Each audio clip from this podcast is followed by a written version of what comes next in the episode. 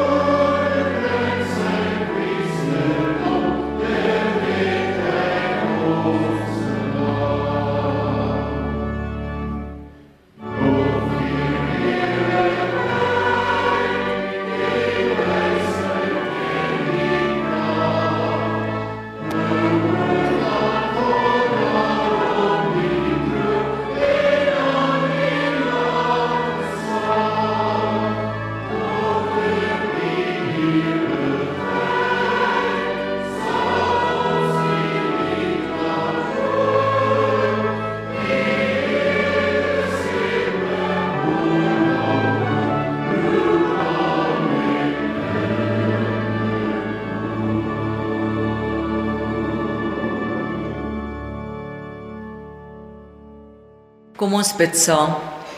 Here, ons wil U loof met al hierdie liedere vir oggend. Want Here, U is ons koning, U is ons Here. Here, dankie dat U vir ons gesterf het, maar dat U ook opgestaan het en elke dag in ons leef deur U Heilige Gees. Here, dankie dat ons nou deur 'n wonderlike Pinkstertyd kon gaan waar ons net weer kon beleef hoe U Heilige Gees ook in en deur ons werk. En Here, dis ook deur die Heilige Gees wat U ons ver oggend kom ontmoet. En ek wil bid dat wanneer ons uit U woord gaan lees in hierdie oggend, dat U ook ons harte en ons oë en ons ore sal oopmaak vir dit wat U vir ons wil kom sê. Amen. Om 'n babatjie groot te maak wat 'n ordentlike, goeie, gebalanseerde groot mens word, is ek dink vir elke ouer 'n groot uitdaging. Almal van ons wat hier sit ver oggend is in verskillende lewensfases. Miskien het jy tans 'n klein babatjie by die huis wat jy besig is om groot te maak. Miskien het jy 'n laerskoolkind. Miskien is jou kinders al lankal uit die huis uit en kan jy maar net terugdink. Of jy sit dalk hier en jy kyk hierdie hele storie van kinders kry en jy dink, "Joe, ek weet nog nie of is dit vir my nie." Om 'n kind groot te kry is 'n groot uitdaging want 'n babatjie gaan deur 'n klomp verskillende fases waarin hy of sy groei en volwassenheid bereik. Nou as 'n mens kyk na 'n klein babatjie, dan huil die baba en die ouers gee vir hom of haar kos of hulle huil en hulle word opgetel of hulle huil en hulle word miskien warm toegedraai of nuwe klere aangetrek of 'n doek word geruil. So vir 'n baba is dit belangrik om te weet as ek 'n behoefte het, dan sal my ouers dit vervul. Maar dan kry mense tyd wat baie van ons goed ken en dit noem ons die terrible twos. En daar's 'n rede hoekom die terrible twos so terrible kan wees want dit is presies in die tyd wanneer 'n baba begin besef ek en my ma of ek en my pa is toe nou nie een mens nie. As ek huil, dan kry ek nie noodwendig wat ek soek nie. En dit is wanneer daai magstryd eintlik begin. En so gaan dit eintlik voort veral in die tienerjare wanneer 'n kind dan nou sy eie identiteit moet vind. Want in hierdie tyd kom hulle agter dat daar's goed by die skool waarvoor ek dalk nie gekies word nie en hulle leer om te leerstellings te hanteer. Hulle leer alles wat ek soek in die lewe gaan ek nie noodwendig kry nie. En hierdie is 'n baie belangrike proses om volwassenheid te bereik. Dat jy deur hierdie teleurstelling sal gaan, dat jy deur hierdie moeilike tye sal gaan sodat jy 'n gesonde en 'n gebalanseerde groot mens sal wees dat jy nie sal vashak by noem dit nou maar die baba tyd of in die baba skoene van jou lewe waar jy dink ek het 'n behoefte en elke behoefte word dadelik vervul op die tyd wat ek wil hê dit moet vervul word nie. So ons gaan in hierdie proses in die lewe in en dan sien 'n mens baie keer mense wat oor jou pad kom, miskien by die werk of familielede of vriende wat tot 'n mindere of 'n meerdere mate eintlik nooit gegroei het in hulle menswees nie. Want jy kom agter dat hulle nog steeds dink die hele wêreld draai om hulle en hulle behoeftes. En dan kom jy agter dat miskien by 'n 2-jarige of selfs by 'n tiener is daai tipe gedrag of manier van kyk na die lewe op 'n manier verstaanbaar want jy's nog in daai proses van groei. Maar wanneer jy iemand op die ouderdom van 50 of 60 of 70 raakloop en jy kom agter maar daai persoon het nog steeds vasgehak by daai manier van dink, dan kan dit nogals eintlik 'n groot uitdaging wees. Wanneer dit kom by ons verhouding met God, dan is dit ook belangrik dat ons nie vashak in ons baba skoene van ons geloof nie. Want wanneer dit kom by geloof is dit baie keer veral moeilik om hierdie baba mentaliteit af te skud. En hoekom sê ek dit? Ons vra en ons bid tot die Here en as die Here nie dadelik op die manier wat ons gedink het aan ons behoeftes voorsien nie, dan kan dit maklik wees dat ons sê maar Here, waar is U? Hoekom help U ons nie? En dit is belangrik om hier te sê dat die Here wel aan ons behoeftes voorsien as gelowiges. Baie keer is dit net nie soos wat ons gedink het of op die tyd wat ons gedink het dit moet gebeur nie. As kind word jy miskien groot in 'n huis waar daar Bybel gelees is, waar daar gebid is, waar daar kerk toe gegaan is. Almal van ons se situasies is verskillend. Jy leer miskien die Bybel op 'n sekere manier, jy onthou die kinderbybelverhale. Miskien het jy selfs kategese toe gegaan as kind. Jy dalk selfs belydenis van geloof afgelê. Maar wat ongelukkig dan in baie gevalle gebeur, is dat mense in hulle geloof stagneer. So jy het nou belydenis afgelê en dan voel jy ek het nou die einde bereik. En dan vergeet ons dat iets soos belydenis aflegging of doop is 'n roetemerker op jou pad. Dit is nie die einde van die pad nie. Dit is maar net 'n geleentheid op jou pad waar jy groei in volwassenheid van jou geloof. En die Here nooi elkeen van ons uit om nie te stagneer en te sê Daar waar ek nou is, weet ek alles oor die Here. Ek weet alles oor die Bybel nie. Die Here nooi jou uit om 'n mentaliteit aan te neem waar jy sê ek wil groei in my geloof. Net soos wat ek wil groei in my menswees oor die algemeen, wil ek groei in my verstaan van die Here. Ek wil meer weet. Ek wil dalk beter keuses maak. Ek wil dinge leer van die Here wat ek nog nie tot op hierdie stadium geweet het nie. Wanneer ons leer en wanneer ons groei, dan besef ons nuwe dinge van God. En wanneer ons dan deur 'n moeilike tyd gaan, dan is ons geloof baie keer meer volwasse en kan ons sekere teleurstellings en uitdagings beter hanteer. Nou daar kom baie keer goed oor ons pad wat ons heeltemal teen die grond vaslaan. En dit is ook reg as jy op daai stadium vra vra en wonder en dink, Here, maar waar is U dan? Ons mag dit vra. Ons moet dit ook vra want in hierdie vra is daar ook 'n groei geleentheid. Maar wanneer ons moeite maak om te groei in ons verhouding met die Here, dan versterk dit ons ook in ons lewe sodat ons die dinge op ons pad beter kan hanteer. Vandag kyk ons bietjie na die karakter van Gideon en ons sien dat Gideon regtig nie baie van homself gedink het nie. Gideon het 'n klomp vrae wat hy aan die Here stel, maar dis juis binne in hierdie verhouding waar die Here vir Gideon uitdaag om te groei. Julle is welkom om jou Bybel oop te maak by Rigters 6. Ons gaan vandag lees vanaf vers 1 tot 21. Terwyl jy jou Bybel oopmaak, wil ek so 'n bietjie vir jou agtergrond gee oor rigters, want dit is belangrik wanneer ons Rigters 6 lees dat ons dit binne die konteks van hierdie boek lees. Die boek Rigters is soos 'n tragedie geskryf en dit is regtig nie so vriendelik soos in die kinderbybel nie. Die Rigtersverhaal is as 'n tragiese verhaal geskep. Dis 'n verhaal wat jou eintlik skok. Dis vol geweld, dis vol korrupsie, dis vol onreg. En 'n mens kan amper dink, maar wat maak hierdie boek in die Bybel as dit net daar is om ons te skok? Maar hierdie boek is eintlik baie nodig in die Bybel, want die goed wat ons hiervan lees, kan ons in ons eie samelewing identifiseer. Die korrupsie, die onreg, die geweld, dis alles goed wat ons elke dag rondom ons sien. En wanneer die volk hierdie verhaal neerskryf, dan besef hulle dat hulle eintlik die verbond met God verbreek het. Hulle het begin om ander gode te aanbid. Hulle het begin om dinge te doen wat nie in die wil van God is nie. Ons sien in die Rigtersboek 'n sekere patroon. Ons sien dat die Israeliete doen wat verkeerd is in die oë van die Here. En dan word hulle oorgegee aan die vyand en dit gaan baie sleg met hulle.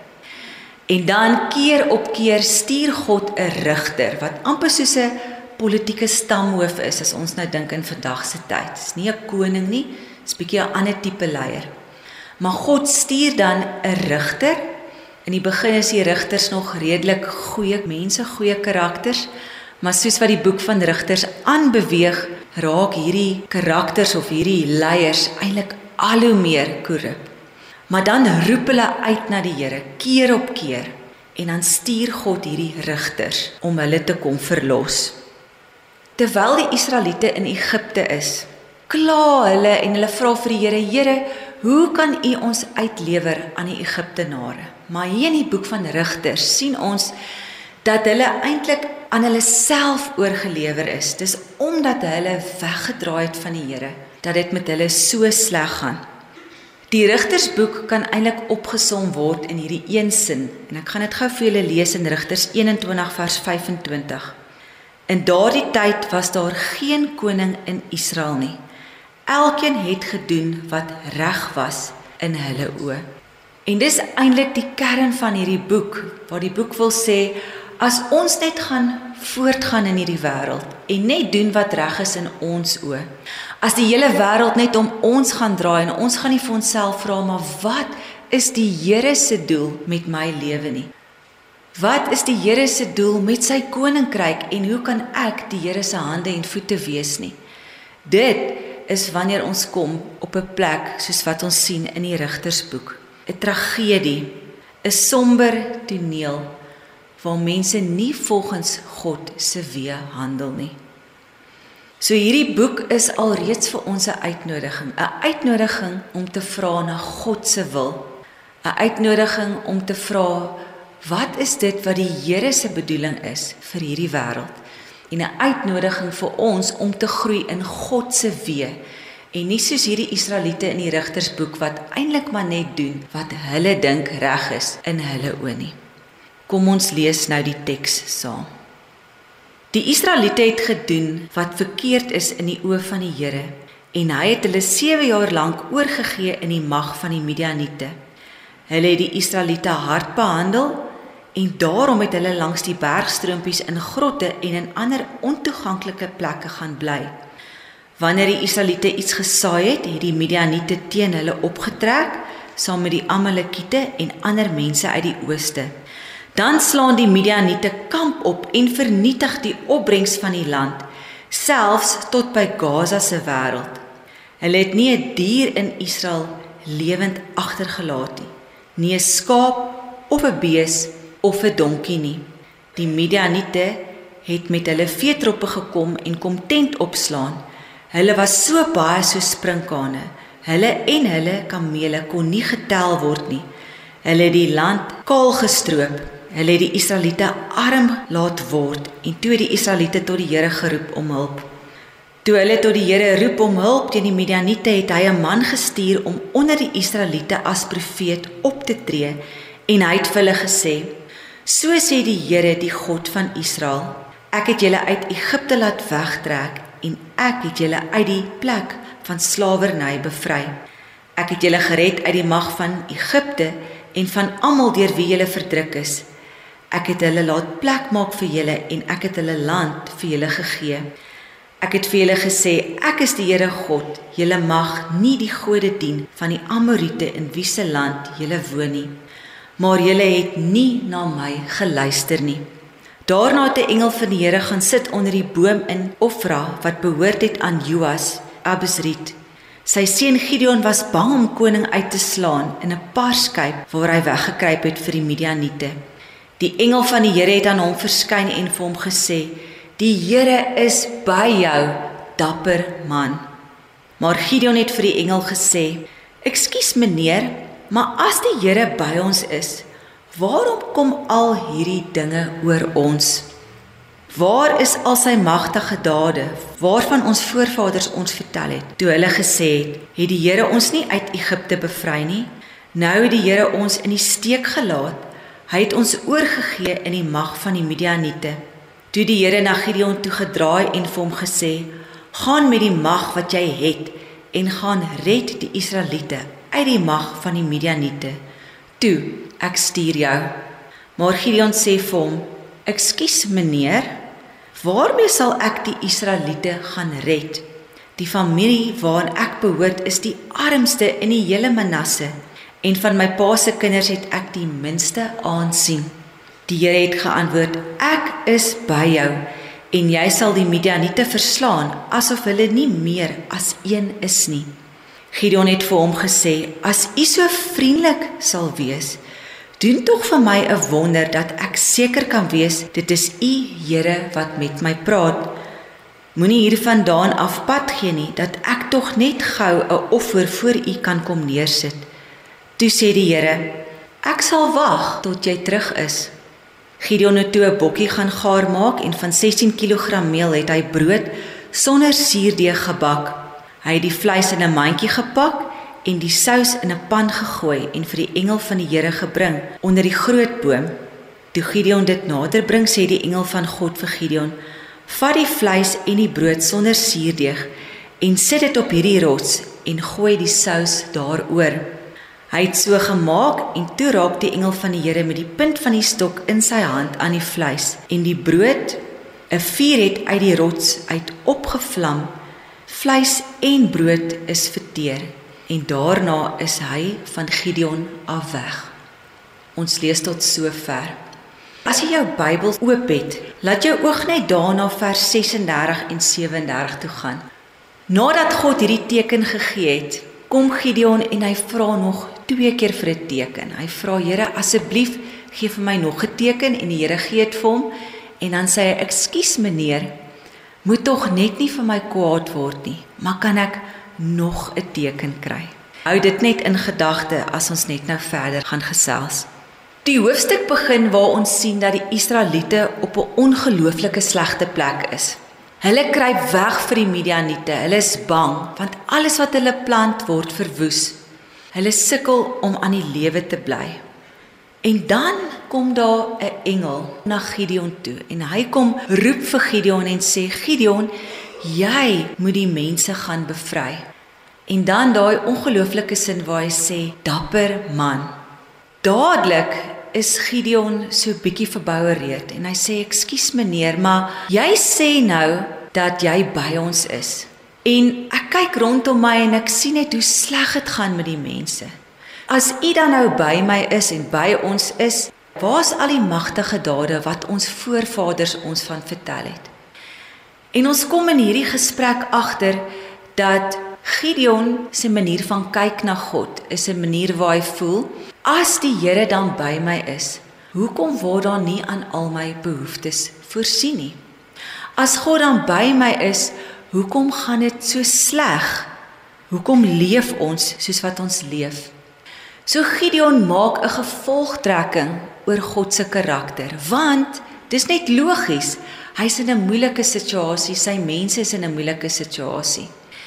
En in hierdie moeilike situasie sou 'n mens dalk kon dink dat met al die vermenging met die Baal-profete, ons sien ook dat Gideon se pa self ook 'n offer vir Baal opgestel het, 'n altaar.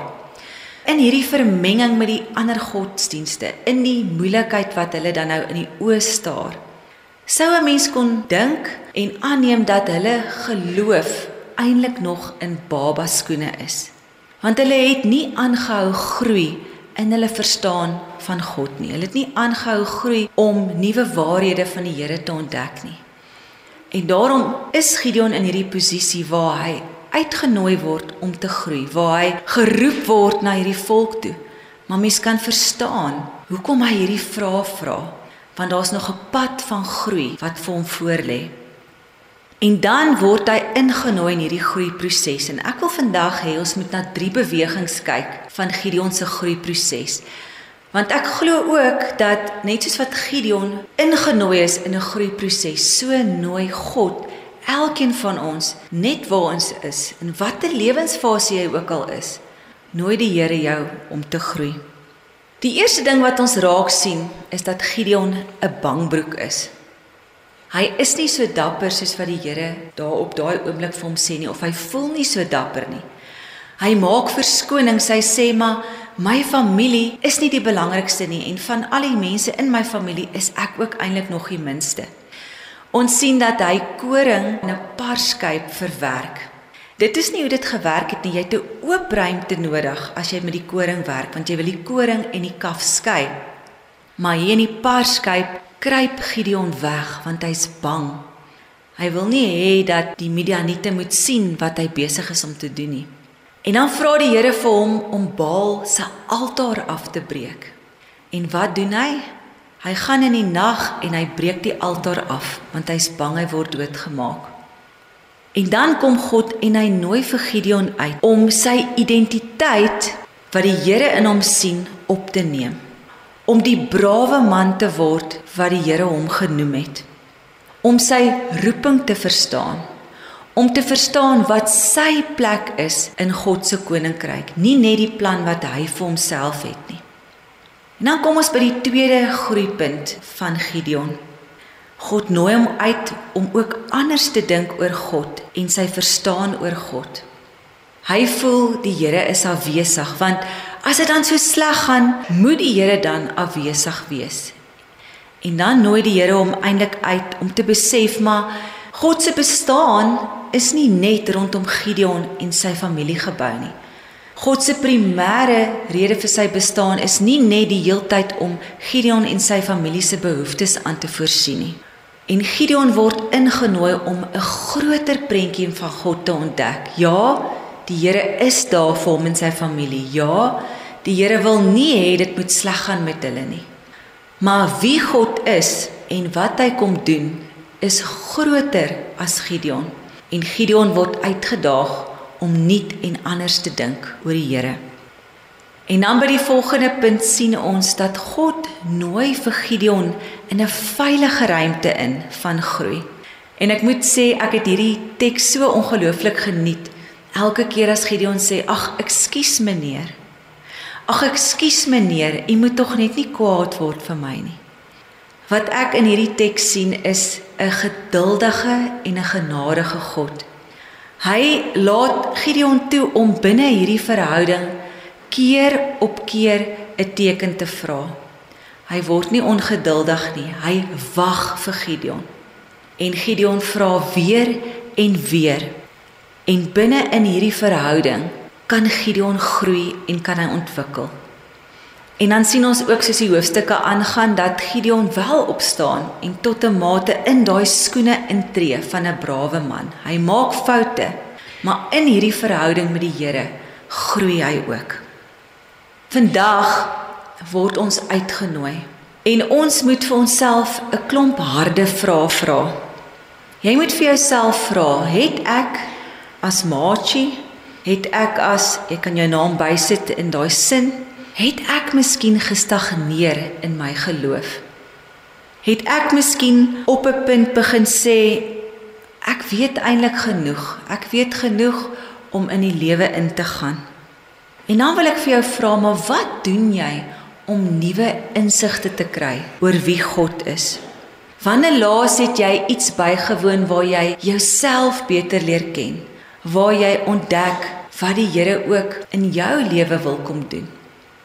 Ek dink hierdie verhaal daag ons uit om ernstig te gaan dink oor ons eie roeping in die lewe. Om te gaan dink maar, Here, hoekom het U my gemaak? Is ek nou maar net toevallig hierso? Of is daar 'n manier hoe U my wil gebruik in U koninkryk? En dit is elkeen van ons se verantwoordelikheid om ook moeite te doen. Miskien is dit tyd om 'n kamp by te woon. Miskien is dit tyd om met iemand te gaan praat en te sê, "Waar is ek in my lewe?" Miskien is dit vir jou tyd om 'n kursus by te woon. Miskien is dit weer tyd om die Bybel af te stof en te sê, "Here, Wat wil U vir my sê oor my roeping hier op aarde? Elkeen van ons het 'n gawe ontvang. Hier's niemand in hierdie kerkgebou wat nie 'n gawe ontvang het nie. Miskien is jy soos Gideon wat dit nie raak sien in die begin nie, maar ons het mekaar ook nodig om gawes in mekaar te identifiseer sodat jy hier kan sit en weet die Here het miskien vir my die gawe van gasvryheid gegee. Die Here het vir my die gawe gegee van wysheid of diens of strategiese beplanning. En dan kan jy daai ding gebruik in God se koninkryk. Die Here nooi ons ook uit en daag ons ook uit om te groei uit ons baba skoene van ons geloof uit na 'n nuwe en 'n groter verstaan van God. Wanneer laas het jy regtig vir jouself gaan uitdaag oor hoe jy God ook verstaan? Dalk is dit tyd om by 'n omgegroep aan te sluit waar jy met ander gelowiges gekonfronteer word waar jy mekaar kan slyp in julle geloof. Miskien is dit tyd om op 'n uitreik te gaan om bietjie uit jou gemaksone uit te kom waar die Here vir jou nuwe dinge wys. Ons beleef God nie net op een manier nie. Ons beleef God deur klomp verskillende maniere. En dalk kom nooit die Here jou vandag uit om te sê tot dusver het ek Bybel gelees en kerk toe gekom. Maar dalk nooi die Here jou vandag uit na iets anders sodat jy uit jou gemaksone kan kom om tot nuwe insigte te kom van die Here. En laastens nooi hierdie verhaal ons uit om die veilige ruimte wat die Here al reeds vir ons gegee het, hierdie verhouding met hom te benut. En dit is 'n ruimte van groei waar ons vra mag vra. As gelowiges is ons baie keer so bang om te twyfel want wat nou as ek twyfel? Sê dit dan nou iets oor my geloof? Wat as ek teleurgesteld is? Wat as ek hartseer is? Al hierdie goed op ons pad is eintlik geleenthede waar ons kan verdiep in ons geloof. Eers wanneer jy twyfel, kan jy vra vra. En eers as jy vra vra, kan jy groei. Eers as jy die hartseer van die lewe aan jou kant gekry het of ontvang het, eers as jy teleurgesteld was in jou lewe, dan kan jy werklik groei want dit daag jou hele menswees uit. Ons maak baie keer die fout om te dink as ons teleurgesteld is, as ons hartseer is, dan is dit nou 'n teken dat die Here my verlaat het. Die Here verlaat ons nooit nie. Die Here hou daai ruimte, daai veilige ruimte vir ons om binne ons uitdagings met hom in gesprek te tree. Al is dit soos Gideon wat 3 tekens vra. Here, ag ek skuis tog, moet net nie kwaad word nie. Die Here gaan nie vir ons kwaad word nie, want dis hierdie veilige ruimte wat hy vir ons skep sodat ons kan groei na 'n groter verstaan ook van onsself en ons plek in hierdie wêreld. So mag jy besef dat God soos 'n goeie ouer is wat saam met jou op reis is en wat jou uitnooi na volwassenheid in jou geloof. Mag jy besef dat God 'n geduldige God is, 'n God wat jou ontmoet daar waar jy is, net soos jy is. Amen. Kom ons bid saam. Here, vir oggend lê daar vir ons 'n klomp uitnodigings opgesluit in die Gideon verhaal. Dankie Here dat U hierdie boek ook vir ons in die Bybel gesit het en al is dit 'n tragiese boek vol onreg en korrupsie en dinge wat ons eintlik bang maak, weet ons Here dat dit tot 'n mate ook die samelewing reflekteer. En Here, dis juis hoekom ons hierdie roeping en uitnodiging van U moet ernstig opneem. Here, want ons het 'n rol om te speel in hierdie wêreld waar dinge nie reg is nie. Here, help ons om u boodskappers te wees. Here help ons om die goeie nuus uit te dra. Here help ons om te groei om mans en vroue te wees wat opstaan vir u in hierdie wêreld, wat u hande en voete is, wat u liefde uitdra. En Here al kom daar struikelblokke op die pad, help ons om dit te sien as 'n geleentheid, 'n geleentheid van groei, om groter te dink oor u, om wyer te dink oor ons eie roeping. En Here, dankie dat U saam met ons is op hierdie pad en dat U ons vashou. Ons bid dit in U naam. Amen. Ons gaan nou 'n slotlied saam sing.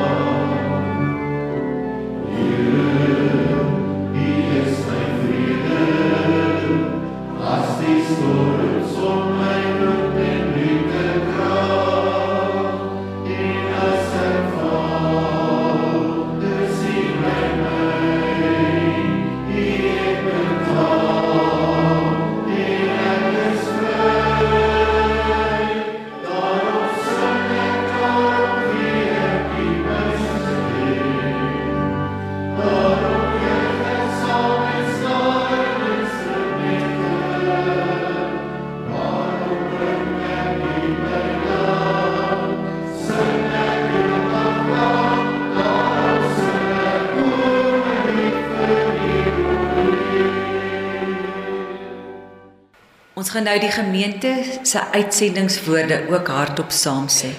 Waar ons ook al gaan, God stuur ons. Waar ons ook al is, God is met ons. Christus wat in ons woon, het iets wat hy deur ons wil doen. Gemeente glo dit en gaan want die genade van ons Here Jesus Christus en die liefde van God ons Vader en die oorvloedige teenwoordigheid van die Heilige Gees sal met u wees en bly. Amen.